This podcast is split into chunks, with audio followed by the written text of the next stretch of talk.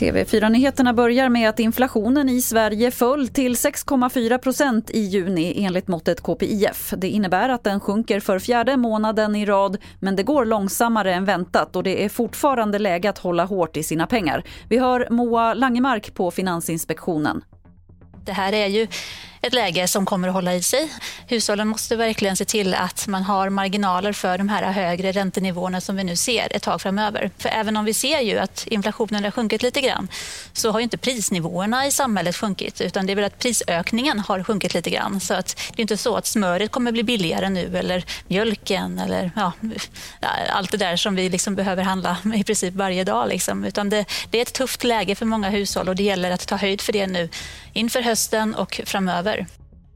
Tre personer har hittats döda i ett fordon utanför Skinnskatteberg i Västmanland. Larmet kom in strax efter 21 igår kväll. Polisen vill i nuläget inte berätta några detaljer om vad som har hänt men de säger att det finns en relation mellan de avlidna. Natten till idag fick polisen larm om en skottlossning i Järva i Solna norr om Stockholm. Enligt polisen ska skotten ha avlossats mot en bostad men ingen ska ha kommit till skada. Polisen utreder det som försök till mord. Fler nyheter finns på tv4.se. Jag heter Lotta Wall.